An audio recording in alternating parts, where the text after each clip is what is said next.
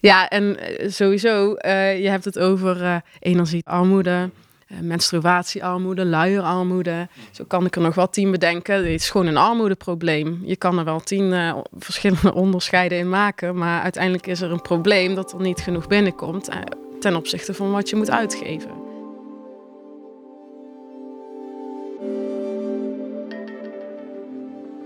Je luistert naar Voer voor Verandering. In deze podcast gaat Wouter Mulders samen met collega's een aantal experts aan de tand voeden over de praktijk van transities.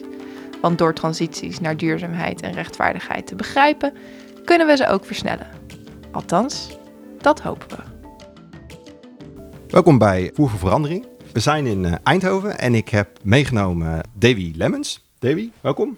Ja, dankjewel Wouter. Leuk om hier te zijn. Waarom heb ik jou eigenlijk meegenomen? Waarom heb jij mij meegenomen? nou, ik uh, werk bij Drift als onderzoeker. Uh, nu iets meer dan een jaar. En ik ben bij Drift gekomen omdat ik ook merkte dat er behoefte was echt aan meer onderzoekers die zich bezighouden met rechtvaardigheid specifiek. Dus dat doe ik in verschillende projecten. Dus ik heb een project over energiearmoede, maar ook een project over dak- en thuisloosheid onder jongeren. Maar ik probeer me eigenlijk ook breder met rechtvaardigheid bezig te houden in verschillende transities. Door ook ja, echt dat menselijke verhaal op te zoeken. Want het is gewoon heel makkelijk om het over getallen te hebben, maar over wie hebben we het dan? En ja, waar hebben we het dan echt over? En dat zijn gewoon hele belangrijke vragen die toch vaak te weinig worden gesteld of waar we makkelijk overheen stappen. Ja. En met die aanleiding heb jij denk ik ook de gast van vandaag gekozen of gezocht. Zeker. Kan je daar iets meer over zeggen? Ja, ja, zeker. Ik vind het heel leuk en interessant om uh, met Pauline te spreken. Ik ben ook heel erg benieuwd naar jouw ervaringen. Want volgens mij zoekt Pauline ook dat menselijke verhaal heel erg op in haar werk bij de gemeente Eindhoven. En zet ze zich heel erg in voor jongeren en mensen in armoede. Dus ja, ik ben daar ontzettend benieuwd naar. Ja, we zijn bij uh, Pauline van der Elsen. Die werkt als uh, senior beleidsadviseur armoede en schulden bij de gemeente Eindhoven. Hoi. Hallo. Leuk om hier, uh, om hier te zijn om maar gewoon te beginnen, ja, wie ben jij en, uh, en wat doe je eigenlijk bij de gemeente eh, Eindhoven? Ja, nou, ik ben Pauline van Elzen, bijna 30 jaar. Ik werk hier nu 2,5 jaar bij de gemeente Eindhoven op het thema armoede en schulden. En uh, ja, met van alles bezig. Er speelt nou heel veel op het gebied van armoede en schulden in Nederland. Ja, energiearmoede natuurlijk is één groot ding. maar we zijn ook met allerlei andere projecten bezig, waaronder net werd genoemd Bouwdepot. Daar ben ik afgelopen twee jaar mee bezig geweest. Ja, vandaar werd ik ook uitgenodigd. En kun je ons iets vertellen over waar het nu eigenlijk misgaat, zeg maar? Of waar, hoe zie jij het systeem om je heen van armoedebestrijding en schuldhulpverlening? Hoe zie jij dat? Nou, allereerst, hè, als ik kijk naar het systeem of, of naar uh, het armoede- en schuldenbeleid, wil ik echt niet zeggen dat het helemaal misgaat. Mm-hmm. Want we doen ook echt, uh, we doen superveel goed en er is echt afgelopen jaar heel veel ontwikkeld. Hè? Ja. Als ik kijk naar de ontwikkelingen op uh, het gebied van schuldhulpverlening, is er echt veel veranderd. We zijn bezig gegaan met vroegsignalering, dat doen alle gemeentes in Nederland, veel preventie. Voorheen moest je bijna een, uh, ik zal het zeggen, ja, modelinwoner zijn om in de schuldhulpverlening te komen. Bijvoorbeeld uh, als je een verslaving had, ga maar eerst die verslaving helemaal oplossen voordat mm. jij in een schuldentraject komt. En dat is niet meer, gelukkig. Dus heel veel goede ontwikkelingen. Maar er is nog zeker heel veel te doen. En vooral ja, de afgelopen jaren, eigenlijk vanaf de coronacrisis, zie je wel dat er uh, veel veranderd is. En um, ook de toeslagenaffaire natuurlijk heeft wel echt blootgelegd van waar het dus niet goed gaat.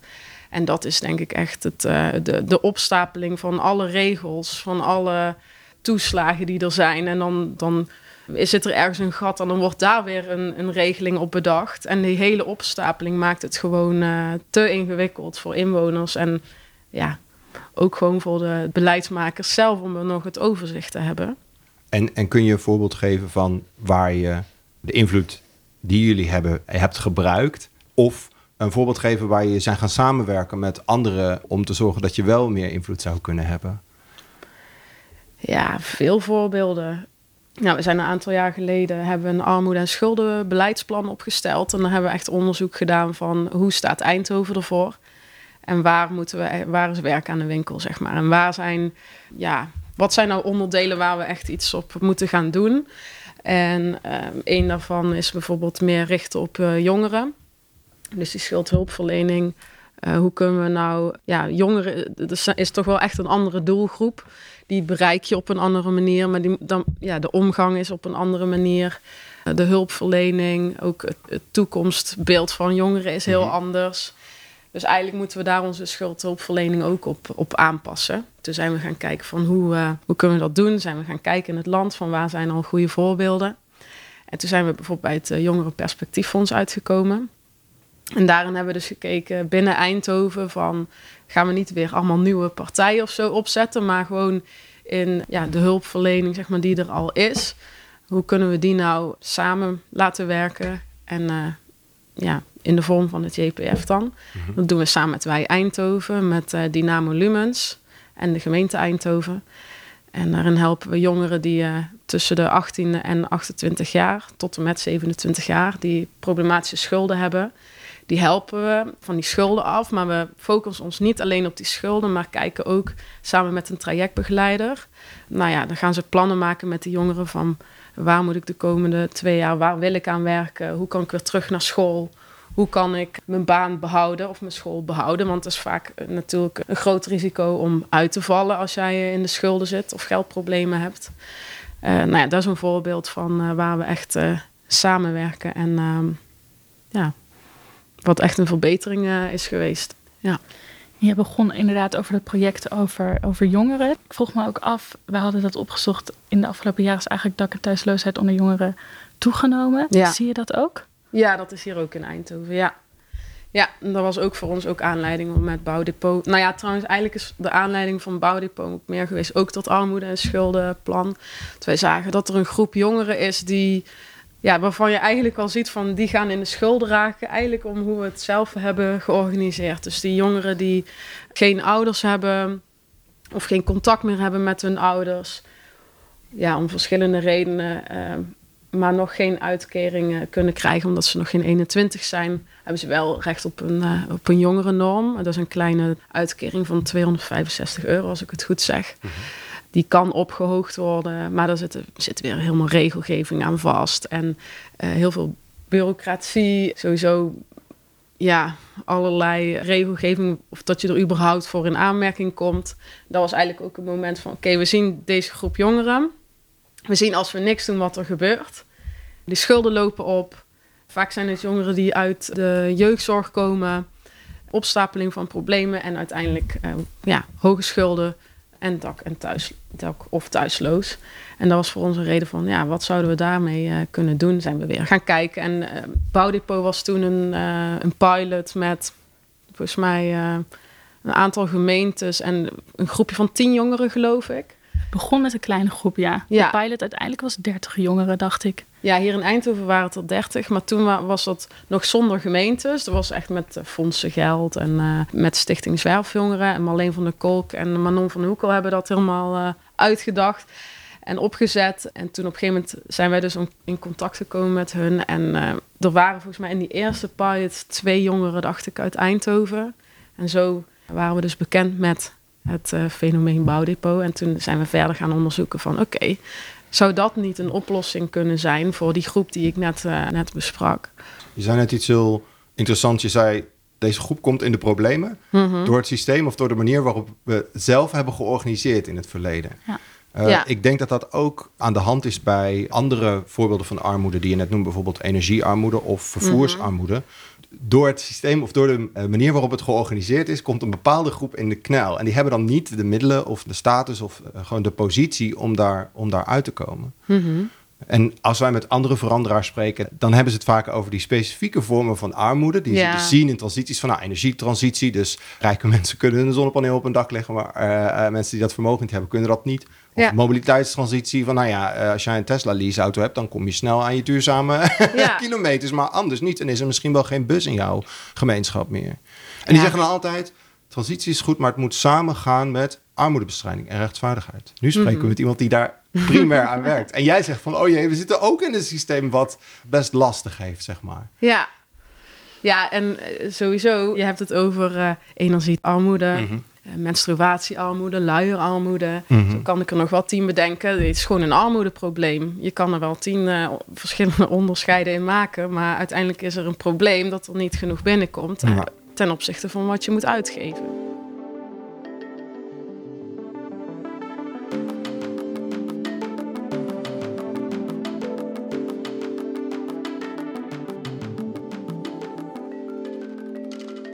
Toen ik begon met het bouwdepot was... Um, toen werkte ik hier net. En uh, een collega van mij was er al mee bezig. Uh, Maaike Klabbers was dat. En uh, ja, op een gegeven moment zei ze van... Oh, het lijkt jou dat leuk om, om dit over te nemen van mij. Toen ben ik dus met Marleen van der Kolk en Manon om tafel gegaan. En ik moet eerlijk zeggen, ik was in het begin ook kritisch. Ik dacht van, wat is dit dan precies? En geef je dan zomaar... Hè? Ja, want wat doe je dan? precies? Hoe werkt het precies? Het bouwdepot zelf? Mm -hmm. Het zijn dus jongeren uh, tussen de 18 en 21 jaar die geen contact meer hebben met hun ouders, omdat ze of niet meer leven of gewoon geen contact meer mee hebben. Kwetsbare jongeren, zeg maar, die uh, voorbeelden van dat ze bijvoorbeeld uh, ja, dak- of thuisloos zijn, vervelende jeugd hebben gehad, niet meer naar school gaan. Zo'n mm-hmm. situatie zal ik maar zeggen. Ja, en die krijgen in het huidige stand van zaken een hele kleine vergoeding, terwijl ze ja. wel volwassen zijn. Of niks, ja, omdat of ze niks. überhaupt niet in omdat ze dan net door een, een regel niet uh, in aanmerking komen, überhaupt voor de participatiewet-uitkering. Hmm. Kan zijn omdat ze bijvoorbeeld gewoon op school zitten. Dan ja. krijg je geen, uh, geen uitkering. Maar als jij helemaal alleen moet leven van een, uh, een stufie, omdat jij geen ouders hebt, ja, dat lukt gewoon kan je niet. ineens een huis überhaupt de huur nee. van betalen. Ja. Nee, en wat je dan ziet is ik zei net dan die groep, dat we ons focussen op een groep die al dakloos is, maar ook een groep die nog niet dakloos is. Stel je voor, je bent uh, zo'n jongere en je studeert en je hebt uh, dus een, een duo um, studiefinanciering, dan zou je ook nog erbij kunnen werken, dat klopt. Uh, tuurlijk. Maar als jij helemaal zelfstandig moet leven, dan moet je echt wel veel erbij werken nog om rond te kunnen komen. Mm -hmm. Dus dat zijn ook voorbeelden waarvan we zeggen van, nou, laten we eens kijken of dat daar zo'n bouwdepot geschikt voor is. Ja. Ja, en dan krijgen de jongeren dus een jaar lang 1050 euro per maand. Mm -hmm. En we kwamen op die 1050 omdat het Nibud dat ooit heeft berekend van, nou, dat heb je minimaal uh, nodig. En we doen het dan voor een jaar lang. En uh, het is niet alleen die 1050 per maand, maar zeker ook dat de jongeren begeleiding krijgen een jaar lang. En uh, ja, dan worden eigenlijk de bouwdepot-principes toegepast van geef vertrouwen aan de jongeren, zeg maar, om zelf keuzes te maken. Ik vond zelf, ja, er wordt heel vaak de term vertrouwen gebruikt, hè, van we moeten vertrouwen geven. En dan denk ik soms van, wat bedoelen we daar dan eigenlijk precies mee? Maar als ik bij het bouwdepot kijk, bedoelen we daar vooral van, geef de jongeren zelf de regie ook om zelf keuzes te maken. Ik bedoel, dat willen we toch allemaal. En er wordt dan vaak gedacht dat ze dat niet kunnen, of dat ze, ja, dat, Tuurlijk hebben ze daar af en toe hulp bij nodig. Maar vaak weten ze echt wel ja, wat, wat, ze, wat ze willen en wat het beste voor ze is. Het is alleen gewoon ja, af en toe lastig om niet in je, in je valkuilen te trappen die iedereen heeft. En daar is die begeleiding dan voor om dan af en toe even weer... Maar niet om het helemaal over te nemen. Maar ze mogen wel een keer die valkuil trappen. Ja, ja, zeker. Zeker. Net zoals ieder mens dat uh, af en toe ja. mag. Alleen als zij dat normaal uh, een keer een foutje maken... en dat gaat dan over iets heel kleins... omdat ze een keer een verkeerd iets kopen of zo... dan heeft dat meteen hele grote consequenties. En ja, Manon zegt dan ook altijd... Uh, Manon van Hoekel van... die begint dan van... ja, wat was nou je, je laatste verkeerde aankoop... Nou ja, dan kan iedereen zoiets bedenken. En dat gaat soms ook om best wel hoge bedragen. ja, en, en weet je, dat vinden we allemaal heel normaal. Waarom vinden we dat dan bij die groep uh, jongeren niet normaal? Dan wordt er heel snel gezegd, had je maar niet moeten kopen. Ja, dan, dan, weet je toch dat je daar dan je geld niet aan uit moet geven. Ja, dat is misschien wel zo, maar het is ook ergens menselijk. Ja, wij hebben de ruimte om te leren van die, van ja. die fout, want we hebben die flexibiliteit. Maar voor zo'n jongere kan het meteen betekenen dat Precies, iets wegvalt. en we hebben het over leeftijd 18 tot 21. Hè? Dus, uh, Wat ik ook heel mooi vond aan dat werken met vertrouwen en de jongeren echt de regie geven is dat je ook zag dat heel veel jongeren zich ook serieus genomen voelden. En misschien wel voor het eerst. En daarom ook eigenlijk zich heel verantwoordelijk voelden over het geld. En daar echt ook verantwoordelijk mee aan de slag gingen. Want dit was mm -hmm. de eerste keer dat ze dit vertrouwen kregen ja. om zelf ja. de regie te pakken. En wat ik ook hoorde van begeleiders, dat sommigen het bijna niet geloofden. Dat is echt zo zaten, is dit echt? En dat, ze, dat sommigen ook gewoon eerst het geld gingen oppotten voor mm. het geval dat. En dat zegt dan ook wel weer iets in ja, hoeveel vertrouwen zij weer hebben in overheid en alle instanties omheen. Dat ze echt zoiets van, daar moet ik het terugbetalen. Of is het wel echt? Of wat na dit jaar? Hoe sta ik ervoor na dit jaar? Ik kan maar beter een buffer opbouwen. Dus, en, daar is het ook voor bedoeld. Hè? Dus het is een jaar lang is ook weer heel kort. Hè? Als je bedenkt van wat die mensen allemaal hebben meegemaakt. Als je die verhalen hoort, dan is het echt niet dat daarna één jaar in één keer helemaal weg is. Het is gewoon als ja, startblok om verder te gaan. Om even weer een stukje rust te hebben. Ja, dan is het echt heel mooi als je die, uh, als je die verhalen hoort. Ja, en dat ze ook weer wat zelfvertrouwen krijgen van ik kan, e-, ik kan dit echt wel en ik kan, uh, ja, ik kan veel meer dan ik dacht.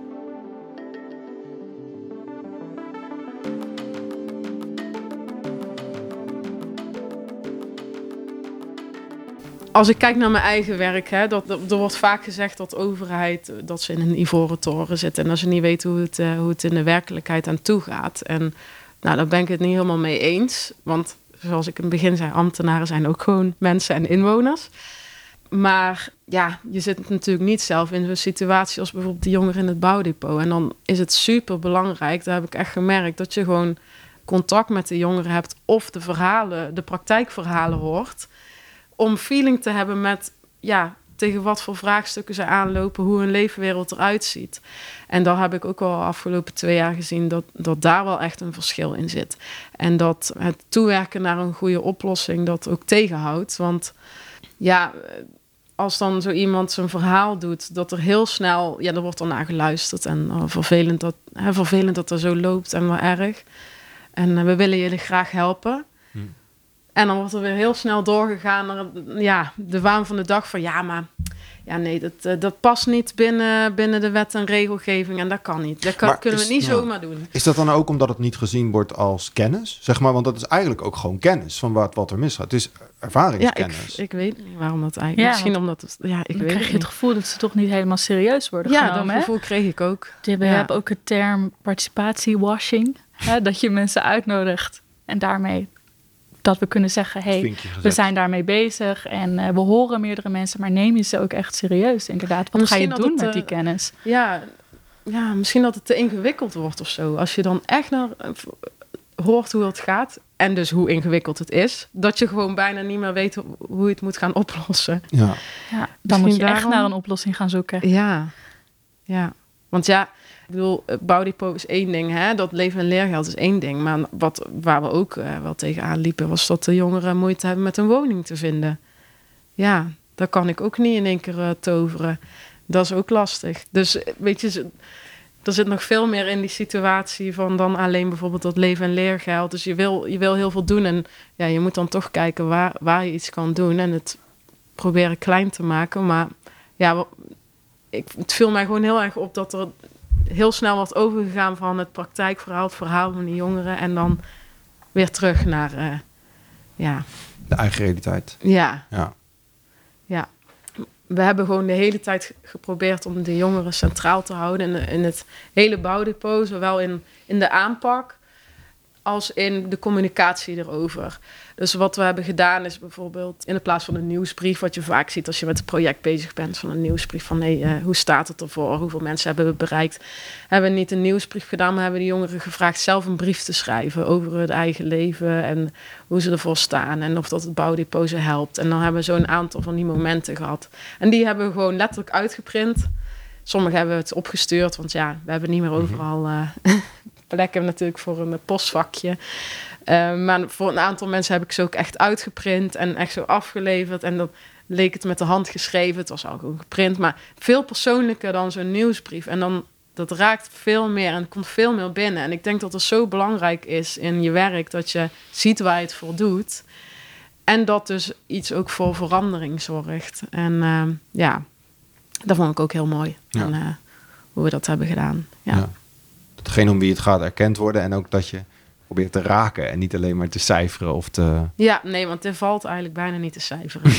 ja, dat, dat probeer natuurlijk onderzoek, hè. Drift probeert dat ook, maar het meest raakt het gewoon als je echt het verhaal van de mensen zelf hoort. Wat dat met, met je doet zo'n jaar, wat voor stappen, dat kun je niet echt in cijfers uitdrukken.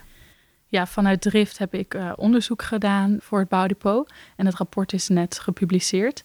En daarin zagen we ook ehm, dat de schulden van jongeren afnamen. Maar ook dat ze de tijd hadden om echt te ontdekken wat ze leuk vinden en wie ze zijn. En dat zie je ook terug. Dat veel van de jongeren zeggen: Ik ben trots op mezelf omdat ik zoveel stappen heb gezet. En dat is gewoon heel waardevol dat ze dat in een jaar hebben kunnen doen. Waar ik benieuwd naar ben, waarom is het zo spannend of waar zit de, de wrijving, zeg maar? Te beginnen, je, er is begonnen met een hele kleine pilot, die is nu heel voorzichtig aan het opschalen. Ja. Wat staat ons in de weg om dit gewoon in heel Nederland te doen? Of dit gewoon, eh, waar zit, de, Ja. waar zit het conflict of de Ja. twijfel?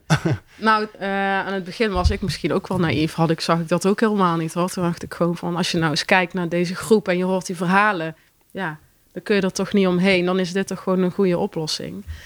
Maar gaandeweg kwamen we wel achter van, oh, bijvoorbeeld zijn we in gesprek gegaan met het ministerie van SZW en ja, eh, kunnen we dit doen? Want ja, ik had er helemaal niet bij nagedacht, misschien naïef van mij, maar van dat dit dus raakt met de participatiewet en of dat dan wel of niet gaat. Eh, nou, dus wij dachten, nou goed, gaan we in gesprek. En ja, toen was het, er staat volgens mij een, eh, een eh, innovatie of een experimenteer artikel of zo in de participatiewet waar je als gemeente gebruik van zou kunnen maken. Toen dachten we, oh, misschien kunnen we die daarop voortbouwen.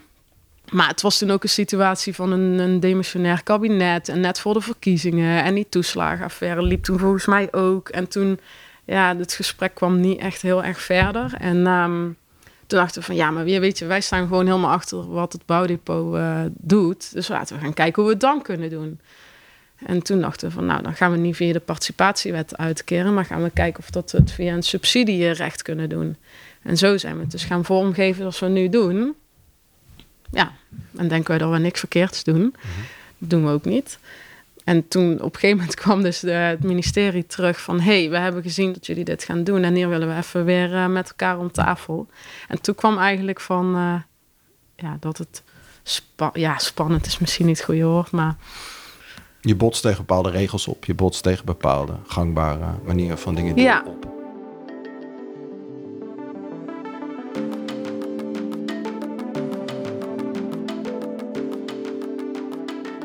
het is misschien een lastige vraag, maar ook voor de hand liggend, hoe schalen we dat dan op? Hoe gaan we dan verder? Hoe kunnen we meer jongeren bereiken? We gaan nou weer... eh, sowieso zijn er meer gemeentes die dit nou ook doen. En in Eindhoven zijn we, gaan we nu weer starten met een nieuwe groep. Ja, Drift is ook eh, natuurlijk... eh, doet onderzoek ernaar. Die heeft nou dat eerste rapport opgeleverd. En ja, dat geeft heel veel mooie resultaten. Maar ja, ook dat je gewoon nog, nog meer wil weten en door wil gaan. Want het is echt niet dat je na één jaar helemaal de eindconclusie kan trekken van dit is het nou. En je wil ook die jongeren langer volgen. En zien wat het op de langere termijn doet. Dus we gaan nou door met 30 jongeren. En dat opschalen, hè, die vraag zie ik nou zoveel... Ja, die wordt heel vaak gesteld van... oh, hoe ga je dit dan dadelijk structureel doen in je gemeente? En dan, ja, dan denk ik van... oh, hoeveel tijd en energie dit gekost heeft... om überhaupt deze pilot voor elkaar te krijgen. En dan heb je dat gedaan, dan komt het rapport... en dan krijg je meteen als eerste vraag... hoe gaan we het opschalen? Hoe, gaan we, hoe gaan we dit structureel doen? Dan denk ik, ja, nu in één keer moet het eh, vo- volgende week eh, structureel gedaan worden. En eh, terwijl, ja, we lopen ook nog tegen een aantal dingen, eh, vraagstukken aan van eh, ja, hoe we dat moeten vormgeven. Ja, als ik dan bedenk dat bijvoorbeeld Marleen nog veel meer jaren dan ik hiermee bezig is. Ja, vind ik gewoon bijzonder hoe dat dan gaat. Dat je eerst heel veel tijd en moeite moet steken in mensen overtuigen dat dit iets goeds is. En, en dat we dit moeten gaan proberen. En dan, hè, dan heb je dat bij, heb je dat bereikt. En dan in één keer is het van, Ja. ja, waarom, waarom doen we dit niet voor veel meer? En, Ja. eh, en dan kan het in één keer niet snel genoeg. En dan kan het juist een valkuil zijn dat je te snel, te snel gaat. gaat. ja. ja. Maar als je zegt, waarom doen we dit niet voor veel meer mensen? Dan is de vraag misschien, juist wel goed te realiseren dat het niet is, waarom doe jij dit niet voor veel meer mensen? Maar wat Mhm. houdt ons tegen? Wel- welke regels of structuren of, of ideeën die we hebben, houden ons tegen? Om dat op andere plekken ook op andere manieren te doen. En jullie met het ministerie gingen praten en dat daar een, eh, een flinke discussie, of in ieder geval eh, eh, belangrijke inzichten gedeeld werden. Mhm. En het feit dat je dus ook tegen allerlei andere barrières oploopt. En ja, je kan dat nu laten zien. Dat is ook heel waardevol. Voor de jongeren Ja. is het heel waardevol. Mhm. Maar de inzichten die je opdoet zijn waarschijnlijk ook heel waardevol. Ja, dat was ook een van de doelen van, eh, van het bouwdepot, eh, van Ja. het experiment. Niet alleen eh, de jongeren helpen, maar ook dat het blootlegt van waar loop je nou dan tegenaan en hoe, hoe krijg je zo'n systeemverandering? Ja.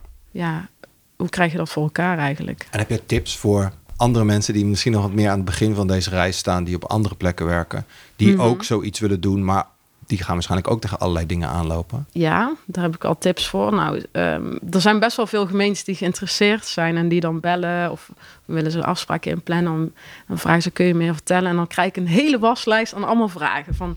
En hoe hebben jullie dit dan gedaan? En hoe hebben jullie dat dan gedaan? En ja, de meeste dingen kan ik wel beantwoorden. Dat heeft ook heel veel tijd gekost om daar allemaal uit te zoeken. Maar het zegt ook alweer iets van, je, moet dat, je hoeft dat niet helemaal zo in te kaderen voordat je begint. Oh, Je moet even die basis goed op orde hebben, maar uiteindelijk, en dat hebben wij, daar hebben wij ook voor gekozen, moeten we ook gewoon gaan starten. Want anders blijf je hangen in, hebben we precies dit kleine dingetje wel of niet eh, georganiseerd. En je komt gaandeweg ook weer van alles tegen, moet je ook weer iets op bedenken. Gelukkig hebben wij dat de afgelopen jaren gedaan en kunnen daar andere gemeentes weer van leren. Maar wat ik vooral als tip wil meegeven, is dat je op een gegeven moment gewoon moet gaan doen. En niet moet blijven hangen in het eh, hoe moeten we dat dan precies gaan organiseren. Het belangrijkste wat wij elke keer in gedachten hebben gehouden, is dat de jongeren geen risico lopen. Dus bijvoorbeeld, wat ook een vraagstuk was van eh, hoe zit dat dan met belastingen? Wordt er dadelijk belasting gevraagd over dat leven- en leergeld wat ze ontvangen? Ja, daar hadden we in ieder geval stipt op nummer één. Die jongeren moeten daar geen last van hebben. Dat zij dadelijk in één keer bij hun belastingaangifte iets eh, terug moeten betalen. Dat hadden we steeds in ons achterhoofd. Ja.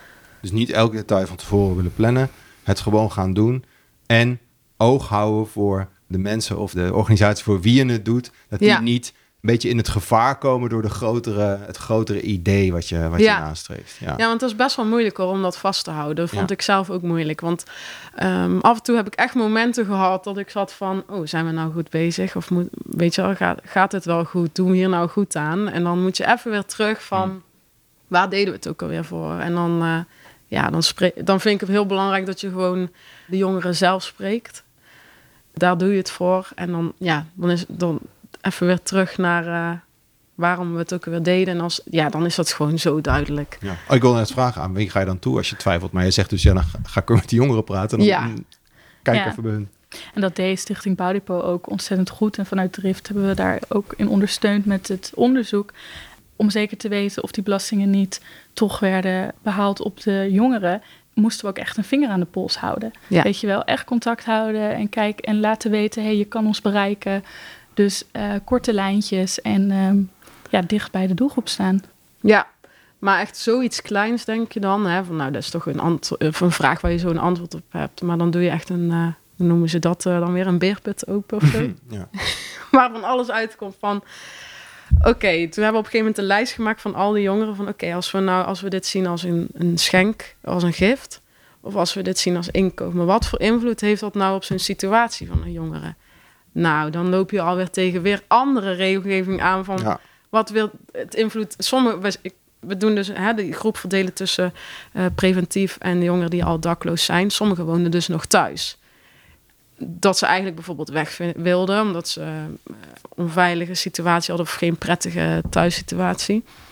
Maar als zij dan, als dat werd gezien als inkomen, dat leven- en leergeld, dan had het weer invloed op wat de ouders ontvangden aan eh, toeslagen bijvoorbeeld ja, als je dan zo, en dat was dan nog maar één vraagstuk, maar zo kwam je veel meer tegen. En dan zie je echt van dat onze theorie echt botst met hoe het in de praktijk gaat.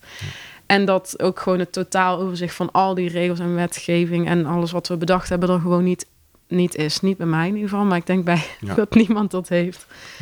Dus ja, je bent dat is wel. eh, Eh, over de theorie van vertrouwen is iedereen het eens. Maar jij bent samen met anderen een praktijk van vertrouwen aan het bouwen eigenlijk. En daarbij trek je best wel wat de beerput open van Ja. allerlei... Dan, dan kom je erachter dat het allemaal best heel complex en heel ingewikkeld is. En dat je echt hele fundamentele dingen anders moet gaan doen. ja, Je vertelde net dat je van beleidsadviseur naar senior beleidsadviseur was gegaan onlangs.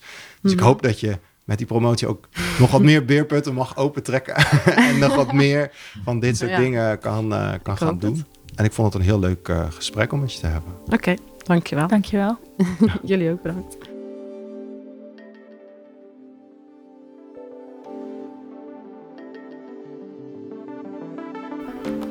Je luisterde naar Voer voor Verandering, een podcast van Drift. Wil je niks missen? Vergeet dan niet te abonneren. En wil je nog meer weten over transities? Ga dan naar drift.eur.nl.